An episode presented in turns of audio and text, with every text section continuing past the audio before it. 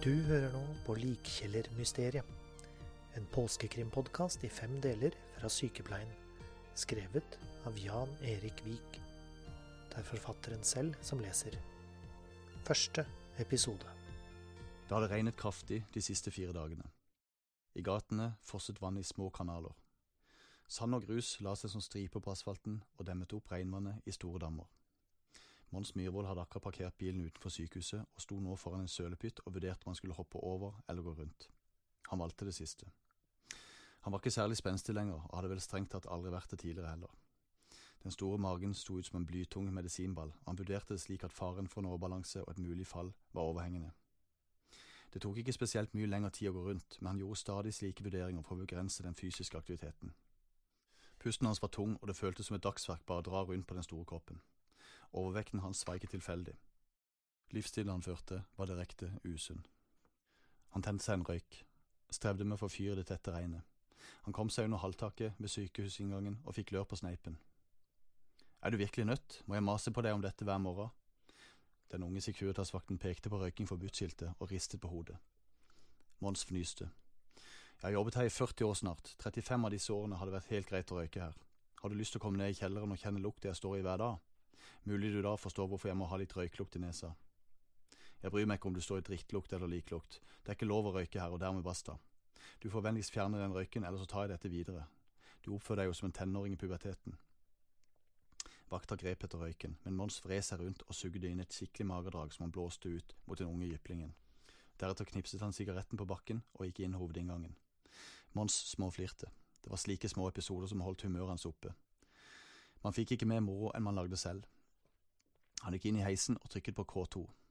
Da heisen gikk ned mot den nederste kjelleretasjen, fikk han en merkelig følelse i maven. Han fryktet først at det var magesåret som hadde våknet til liv igjen, men det var mer enn en følelse av angst og uro. Det var som om noe var i gjære. Mons gikk inn i garderoben, fant fram til sitt faste skap og skiftet. Da han tråkket ned i slagstøvlene, kom kollegaen Gynter stormende inn. Han hadde jobbet omtrent like lenge i avdelingen som Mons, men var ganske ulik som type. Gynter var en anelse pukkelrygget, med tynt, pistrete hår som lå klistret til issen. Han så ut som han hadde bodd i likkjelleren i hele sitt liv. Huden var gusjen og nesten gjennomsiktig. De lilla blodårene var godt synlige, og det var som man nesten kunne se blodet strømme gjennom dem. De tynne og lange fingrene lignet krokete greiner, og ansiktet var beinete som hos en levende død.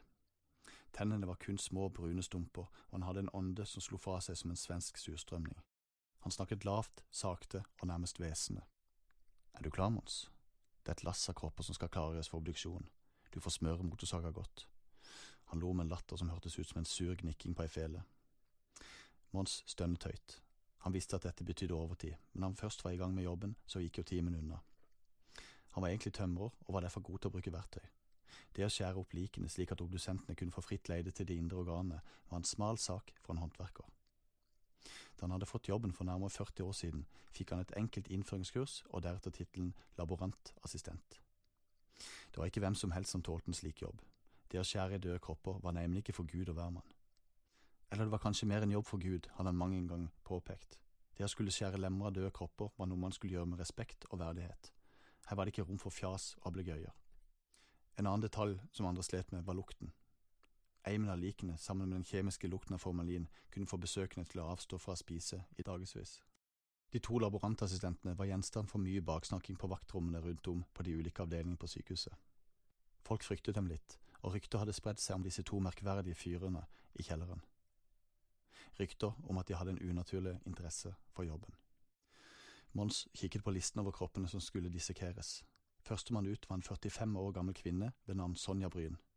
Han tok med seg skjemaet med navnet hennes, gikk ut i korridoren og vandret med tunge skritt mot det overfylte kjølelageret hvor likene ble oppbevart.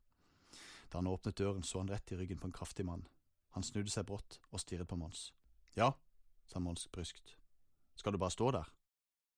Mannen, som bar en hvit T-skjorte merket med sykehusets logo, rynket pannen og mumlet stresset at han var på vei ut. Hvem leverte du akkurat nå?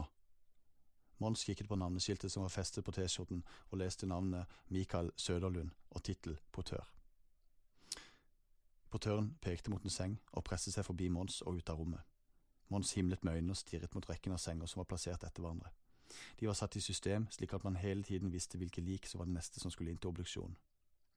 Alle sengene var redd opp som om det var tomme senger, men trente øyne så straks at det lå et dødt menneske under.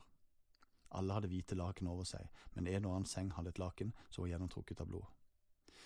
Mons sjekket navnelappen som var festet på stortåen til et lik som var plassert helt til høyre i rommet. Sonja Bryn sto det. Han trillet så sengen med den avdøde inn på obduksjonsrommet. Gynter sto allerede klar i sin hvite oljefrakk. Over munnen og nesen hadde han et bind som skjulte de tørre leppene. Øynene var blasse, men likevel intense i sitt uttrykk. Mons festet munnbindet sitt og dro av lakenet. Den nakne kvinnen lå foran dem. De løftet henne forsiktig over på arbeidsbenken, en stålfarget, kald flate med en renne på siden som endte opp i en sluk helt nederst. Over benken hang to store lamper med kraftig lysrør. Rommet ellers var hvitt, med blanke fliser på gulver og vegger, noe som gjorde rommet sterilt i sitt utseende og lett å rengjøre. De to laborantassistentene hentet frem instrumentene sine og gjorde seg klare til å kutte opp de delene som var foreskrevet på bestillingen. Vent litt, sa Mons plutselig, det er noe som ikke stemmer her. Han stirret intenst mot kvinnen som lå stiv og blek på benken. Gynter himlet med øynene. Hva er det du tuller med? Han snakket høyere og mer pipete enn han pleide. La oss nå komme i gang, da. Mons hentet journalen til den avdøde og rynket pannen. Det står her at hun er 45 år. Denne kvinnen er ikke så gammel, hun er knapt over 30. Gynter dro ned munnbindet og åpnet munnen slik at fortennene viste seg som brune istapper. Hva søren, kvinte han. Mons tok av seg arbeidshanskene og hentet den trådløse telefonen som var festet i en beholder på veggen. Han slo nummeret til avdelingsleder Peder Kluft. Peder besvarte anropet etter tre ring. Mons fra kjelleren, det er noe som ikke stemmer med liket her. Hva da ikke stemmer, hva prater du om? Vi har mye å gjøre i dag, så vi har ikke tid til morsomheter nå. Det er ei dame, Sonja Bryn på 45 år, som skal klargjøres til obduksjon. Hun er ikke 45 år. Men kutt nå ut, da, gjør jobben din, da, dette var jeg ikke tid til. Greit, svarte Mons sarkastisk. Jeg kutter opp, men dama som ligger foran meg er knapt fylt 30. Du får svar for dette i etterkant, da. Det ble stille i andre enden. Mons kunne høre at Peder bladde febrilsk i papirene sine. Sonja Bryn, jo, hun skal være 45 år. Hun er 167 cm høy og har lyseblondt hår. Eh, denne dama er høyreist, sikkert nærmere 180 cm, og håret er nesten ramsvart. Men da starter jeg bare Sava, da, hæ? Mons smilte skjevt til Gynter, som ikke foretrakk en mine. Nei, for helsike da, Mons, jeg kommer ned.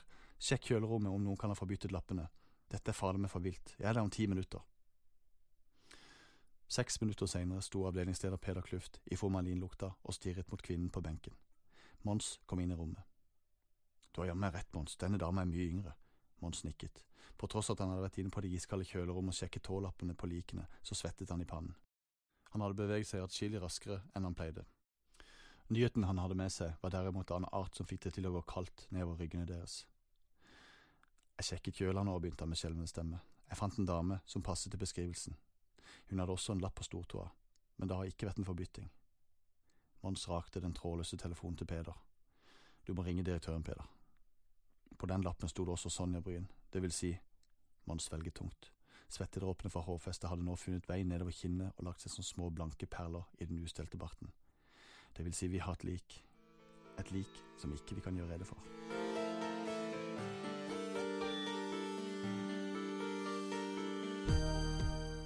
Du har hørt første episode av Sykepleiens påskekrimpodkast, Likkjellermysteriet av Jan Erik Vik. Andre episode er tilgjengelig fra og med midnatt natt til 11. april, og du finner alle tilgjengelige episoder på Sykepleiens hjemmeside, på iTunes og på podbean.com. Vi høres.